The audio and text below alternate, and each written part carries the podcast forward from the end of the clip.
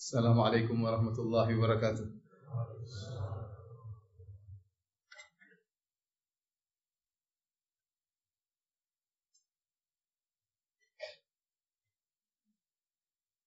إن الحمد لله نحمده ونستعينه ونستغفره ونتوب إليه ونعوذ بالله من شرور أنفسنا ومن سيئات أعمالنا.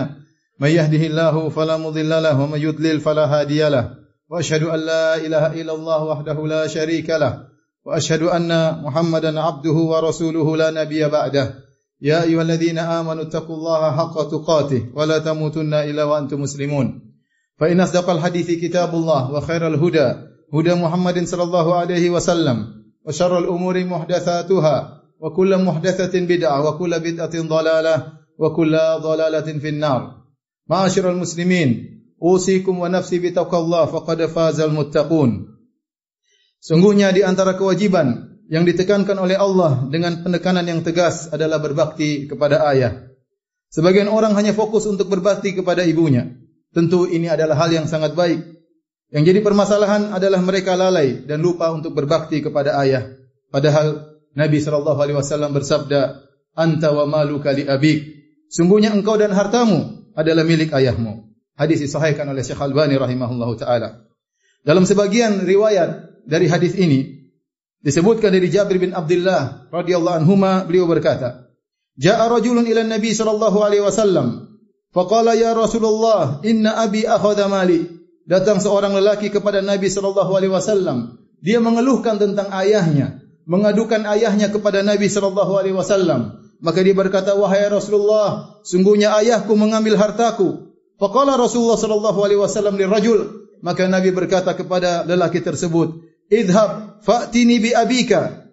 Pergilah engkau dan datangkanlah ayahmu kepadaku fanazala jibril ala nabi sallallahu alaihi wasallam. Maka jibril pun turun kepada nabi sallallahu alaihi wasallam. Faqala jibril berkata inna allaha yukri'uka salam.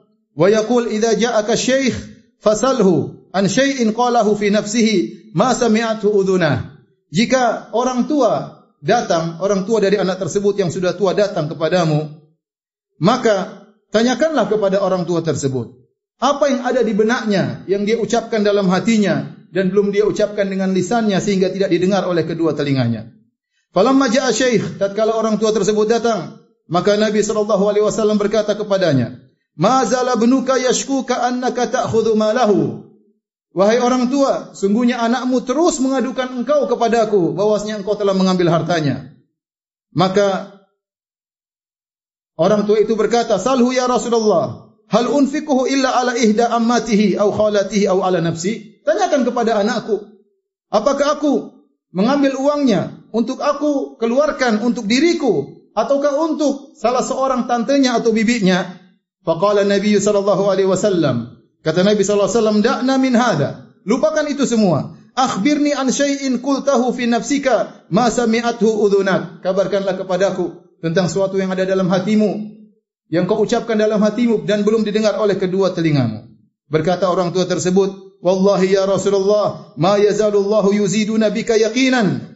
Sungguh ya Rasulullah, senantiasa Allah menambahkan keyakinan beriman kepada engkau. Qultu fi nafsi syai'an ma sami'tu udhunaya. Aku mengucapkan dalam hatiku suatu perkataan yang belum didengar oleh kedua telingaku.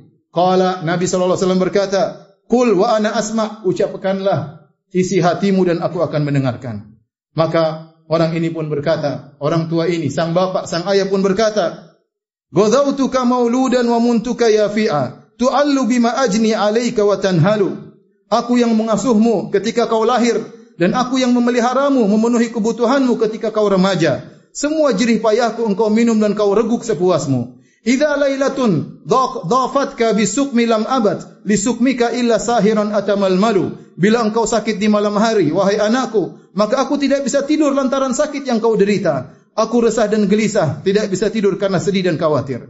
Takhafu rada nafsi alayka wa innaha la ta'lamu anna al mauta waqtun muajjalu. Aku mengkhawatirkan jiwamu disambar maut padahal aku tahu bahwa kematian itu ada ajalnya. Ka anni anal matruku dunaka billadhi turikta bihi duni fa aina ya tahmadu seakan-akan akulah yang sedang sakit dan bukan engkau yang sakit wahai putraku maka kedua mataku tak kuasa mengalirkan air mata Falamma balagta sinna wal ghayata allati ilaiha mada ma fika kuntu u'ammalu. Tatkala engkau telah mencapai masa dewasa dan engkau telah menggapai cita-citamu yang dahulu itulah yang kuharapkan darimu. Ja'alta jazai ghilzatan wa fadhadhatan ka'annaka antal mun'imul mutafaddilu. Engkau membalas budi baikku dengan sikap keras dan kata-kata kasar seakan-akan engkaulah yang telah berbuat baik dan berjasa kepadaku. Falaitaka idza lam tar'a haqqa ubuwati kama yaf'alul jarul mujawiru taf'alu. Seandainya engkau tidak mempedulikan hakku sebagai seorang ayah, anggaplah aku seperti tetanggamu. Sikapilah aku sebagaimana seorang yang bersikap baik terhadap tetangganya. Fabaka Rasulullah sallallahu alaihi wasallam. Maka Rasulullah sallallahu pun menangis. Wa akhadha bitalbib ibnihi, maka dia pun memegang kerak baju sang anak. Kemudian Nabi berkata kepadanya, "Anta wa maluka li abik." Sungguhnya engkau dan hartamu adalah milik ayahmu. Masyarul muslimin, sungguh agung hak seorang ayah. Haknya tidak bisa diungkapkan dengan kata-kata. Renungkanlah sabda Nabi sallallahu alaihi wasallam, engkau yaitu diri dan jiwamu, tubuh dan ragamu adalah milik ayahmu dan hartamu adalah milik ayahmu. Meski pujian setinggi langit dan puisi indah yang terangkai, tetap tidak bisa membalas hak ayahmu yang begitu agung. Dialah sosok yang menjadi tumpuanmu tatkala engkau masih kecil dan tatkala engkau remaja. Ketika semua orang di sekelilingmu meninggalkan engkau dan tidak mempedulikanmu. Dialah sang ayah pondasi dalam keluarga. Dialah tanda ketentraman dan keamanan dalam keluarga. Ayah adalah cahaya dalam keluarga. Kehadirannya selalu diharapkan. Canda dan tawanya adalah penghias kehidupan. Pelukannya dan kasih sayangnya adalah pelita kehidupan. Memandang ayah mendatangkan kebahagiaan. Kepergiannya membawa kesedihan. Ayahmu adalah sosok yang telah berkorban untuk keluarga. Dialah yang telah berusaha untuk membimbingmu dengan tidak pernah lelah dialah yang selalu mengharapkan kebaikanmu dengan penuh ketulusan.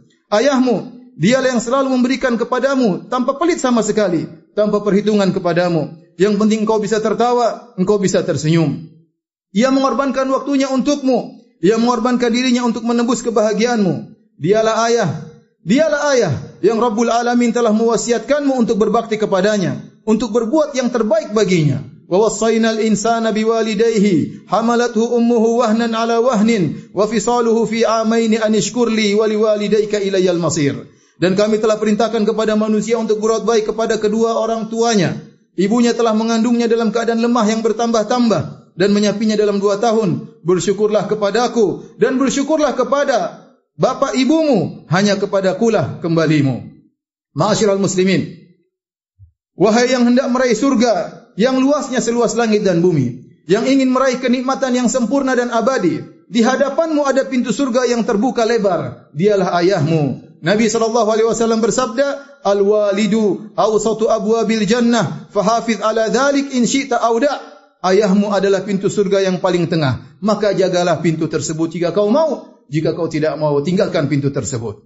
Berbakti kepada ayah merupakan sebab diterimanya amal saleh. Allah berfirman tentang orang-orang yang berbakti kepada orang tuanya yang bersyukur kepada Allah. Ulaika alladhina nataqabbalu anhum ahsana ma amilu wa natajawazu an sayyiatihim fi ashabil jannah wa'da as-sidqi alladhi kanu yu'adun. Mereka itulah orang-orang yang kami terima dari mereka amal yang terbaik yang telah mereka kerjakan dan kami ampuni kesalahan-kesalahan mereka bersama para penghuni surga sebagai janji yang benar yang telah dijanjikan kepada mereka. Ingatlah menjadikan ayah ridha adalah sebab meraih keridhaan Allah sebab menggapai surga, sebab menjauhkan diri dari kemurkaan Allah Subhanahu wa taala.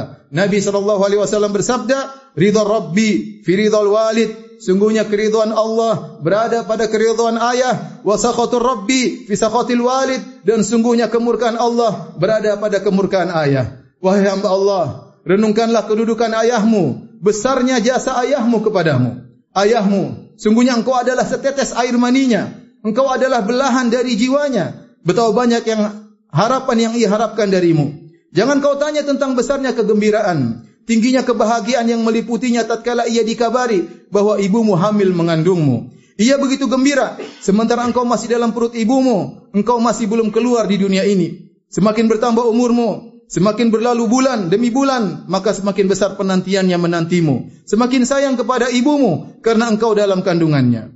Kerinduan semakin meliputinya menanti saat-saat kelahiranmu. Ia menghitung hari dan malam, hari demi hari, malam demi malam menanti pertemuan yang indah denganmu. Betapa besar harapan yang ia gantungkan pada dirimu, betapa banyak angan-angan yang berputar di benaknya.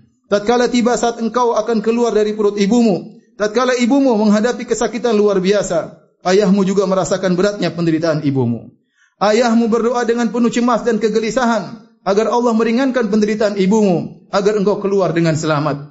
Hingga tatkala ia mendengar tangisanmu, ia mendengar teriakanmu, ia pun tak kuasa mengalirkan air mata kebahagiaan, terlalu terharu melihatmu, kasih sayang yang tiada tara kepadamu mengalir di lubuk hatinya. Ia begitu gembira melihat wajahmu berseri-seri tatkala memandangmu. Jangan kau tanya tentang cintanya kepadamu. Sayangnya terhadap dirimu.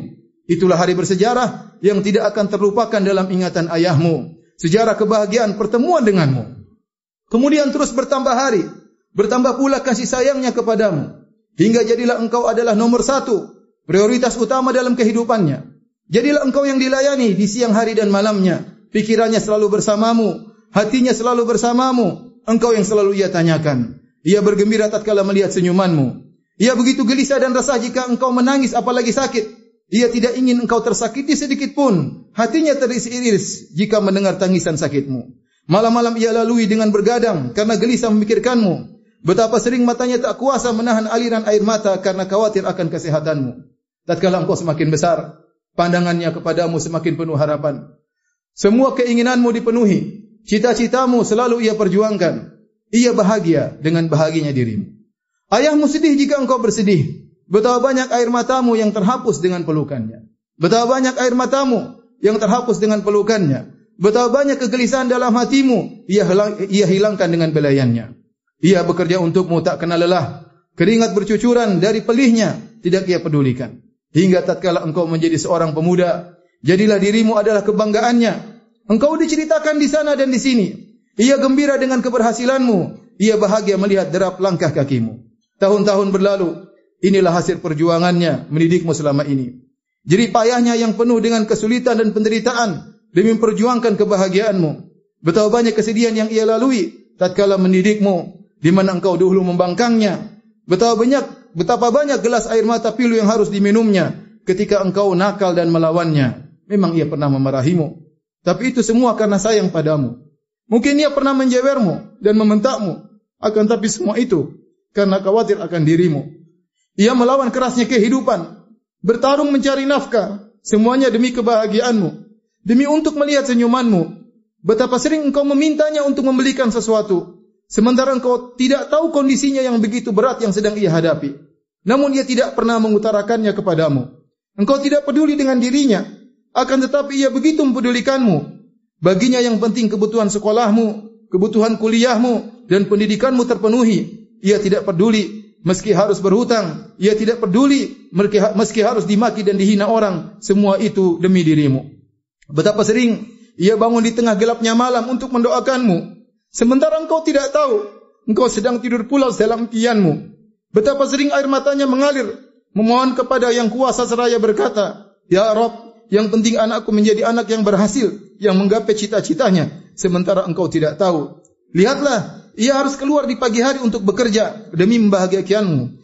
Ia harus pulang di malam hari, tidak sempat istirahat. Ia bersafar menempuh jarak yang begitu jauh, rintangan dan bahaya. Ia lalui, lalui tanpa mengenal lelah. Semuanya demi agar engkau bisa tersenyum. Karena ia tak kuasa jika melihat sedih, melihatmu sedih dan menangis. Ia membanting tulang untuk membangun rumah bagimu. Ia membanting tulang untuk membangun rumah bagimu. Agar engkau bisa hidup dengan nyaman. Ia berkeluh keringat agar engkau bisa makan yang enak. Ia menahan penderitaan pekerjaan agar engkau bisa lulus dalam pendidikanmu. Itulah ayahmu. Itulah ayahmu. Itulah perjuangannya. Itulah pengorbanannya. Ia memberikan kepadamu segala sesuatu dan ia tidak meminta upah darimu. Ia berusaha semaksimal mungkin untukmu sementara ia tidak pernah menanti darimu ucapan terima kasih kepadanya. Ia telah berbuat banyak kebaikan untukmu yang kau tidak melihatnya. Ia berbakti kepadamu dengan pengorbanan yang tidak akan pernah bisa engkau balas. Ma taatlah kepada Rabbul Alamin yang memerintahkan engkau untuk taat kepada ayahmu, yang memerintahkan engkau untuk berbakti kepadanya. Sungguh durhaka kepadanya adalah dosa besar. Menyakiti hati ayahmu adalah bencana bagimu. Membuatnya marah atau menangis adalah malapetaka bagimu. Allah Subhanahu wa taala berfirman, "Wa qadha rabbuka alla ta'budu illa iyyah wa bil walidaini ihsana." Dan sungguh Allah telah merintahkan kepadamu untuk menyembah, tidak menyembah kecuali kepadanya. Dan berbaktilah kepada kedua orang tuamu dengan sebakti-baktinya. Imma yablughanna indakal kibaru ahaduhuma aw kilahuma fala takul lahumu uffin. Jika keduanya telah mencapai masa jompo, salah satunya atau keduanya, maka jangan berkata ah kepada keduanya. Wala tanharhuma, jangan membentak mereka berdua. Wa kullahuma qawlan karima dan ucapkanlah kata-kata yang baik kepada mereka berdua. Wakhfid lahuma janahadh-dhulli minar rahmah. Rendahkanlah dirimu di hadapan kedua orang tuamu dengan penuh kasih sayang.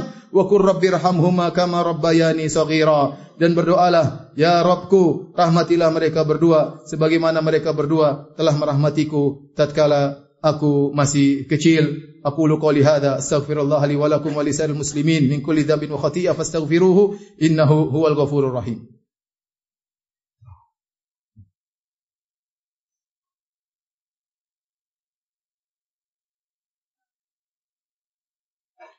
Alhamdulillah ala ihsani wa syukru lahu ala taufiqihi wa amtinani. Wa asyhadu an la ilaha illallah wahdahu la syarika lahu ta'ziman li sya'ni. Wa asyhadu anna muhammadan abduhu Allahumma salli alaihi wa ala alihi wa ashabi wa ikhwani. Ma'asyiral muslimin. Sungguhnya berbakti kepada ayah adalah wajib setiap saat. Akan tapi berbakti kepadanya tatkala di masa jompo semakin ditekankan lagi oleh Allah Subhanahu wa taala. Tatkala rambutnya sudah putih seluruhnya, tatkala jari-jarinya gemetar tidak bisa dia kontrol, tatkala jalannya mulai tertatih-tatih, tatkala penyakit mulai mendatanginya, maka tatkala kekuatannya sudah sirna telah ia habiskan demi untuk membahagiakanmu. Maka saatnya engkau menyambutnya dengan penuh kasih sayang. Saatnya engkau rendahkan dirimu untuk berkhidmah kepadanya. Ingatlah perintah Rabbmu waqfid lahum janahadh-dhulli minar rahmah. Rendahkanlah dirimu terhadap mereka berdua dengan penuh kasih sayang. Jangan kau duduk jangan kau jalan di hadapannya. Janganlah kau duduk sebelum ia duduk. Sambutlah ia dengan wajah senyum berseri-seri. Isalah isilah sisi sisa umurnya dengan membahagiakannya Berbanggalah kalau kau bisa melayaninya. Cari-cari tahu apa keperluannya agar engkau bisa memenuhinya. Jangan biarkan dia minta kepadamu. Penuhi kebutuhannya sebelum dia mengutarakan kebutuhannya kepadamu. Berikanlah kepadanya hadiah. Doakan selalu dirinya. Senandungkanlah selalu doamu. Rabbirhamhuma kama rabbayani saghira. Ya Rabbku rahmatilah mereka berdua. Sebagaimana mereka berdua merawatku tatkala aku masih kecil. Ciumlah tangannya. Ketahuilah, itu tangan yang kau cium telah hilang kekuatannya karena bekerja demi kebahagiaanmu. Ciumlah keningnya, karena itulah kening yang dahulu sering berkerut memikirkan keberhasilanmu. Pijit kedua kakinya yang telah hilang kekokohannya di masa muda untuk bekerja memenuhi kebutuhanmu. Sungguh ini kesempatanmu yang tidak akan pernah terulang. Demi Allah, akan datang suatu masa engkau tidak lagi melihat ayahmu. Pintu surga yang selama ini bisa kau buka telah diangkat oleh Allah Subhanahu wa taala. Jika ayahmu telah tiada, maka engkau tidak bisa lagi memijitnya, engkau tidak bisa lagi memberi hadiah kepadanya, tidak bisa lagi membawakan makanan kesukaannya. Akan tapi jangan pernah terputus doa darimu. Itulah yang sangat diharapkan dalam kuburannya. Berinfaklah, bersedekahlah, berwakaflah untuknya. Niscaya pahalanya akan melapangkan sempitnya kuburan ayahmu. Akan menyinari gelapnya kuburannya. Berbuat baiklah kepada keluarga dekat ayah. Berbuat baik pula kepada sahabat-sahabat dekatnya. Inna Allah malaikatahu yusalluna ala nabi. Ya ayuhalladzina amanu Sallu alaihi wa sallimu taslima. Allahumma salli ala Muhammad Wa ala ali Muhammad Kama sallaita ala Ibrahim Wa ala ali Ibrahim Innaka hamidun majid. Wa barik ala Muhammad Wa ala ali Muhammad Kama barakta ala Ibrahim Wa ala ali Ibrahim Innaka hamidun majid. Allahumma gfir muslimina wal muslimat Wal mu'minina wal mu'minat. Al ahya'i minhum wal amwat. Innaka sami'un qaribu mujibu da'wat Wa yaqadhi al hajat اللهم آت نفوسنا تقواها وزكها أنت خير من زكاها أنت ولي ومولاها اللهم ارزقنا بر والدينا أحياء وأمواتا Ya Allah anugerahkan kepada kami berbakti kepada kedua orang tua kami apakah mereka dalam kondisi hidup maupun telah tiada. Allahumma ja'alna mimman barra biwalidayhi ahya'an wa amwatan. Ya Allah jadikanlah kami termasuk orang-orang yang berbakti kepada kedua orang tuanya baik tatkala mereka masih dalam kondisi hidup atau sudah meninggal dunia. Allahumma a'inna ala birri walidayna ahya'an wa amwata. Ya Allah bantulah kami untuk bisa berbakti kepada kedua orang tua kami dengan sebaik-baiknya apakah mereka masih hidup ataukah mereka telah meninggal dunia. Allahumma waghfir li walidina warhamhum kama rabbawna sighara ya Allah ampuni dosa-dosa kedua orang tua kami dan rahmatilah mereka, sayanglah mereka sebagaimana mereka telah letih merawat kami tatkala masih kecil. Allahumma anzil alaihim ridhaka ya rabbal alamin. Ya Allah berikanlah keridhaanmu kepada kedua orang tua kami. Allahumma askinhumul firdausal a'la minal jannah. Allah masukkanlah, ya Allah masukkanlah kedua orang tua kami di surga firdaus, surga yang tertinggi. Bi rahmatika ya arhamar rahimin. Dengan rahmatmu wahai zat yang maha pengasih lagi maha penyayang. Demikian apa yang bisa disampaikan. Kita melaksanakan salat Jumat wa aqimus salat.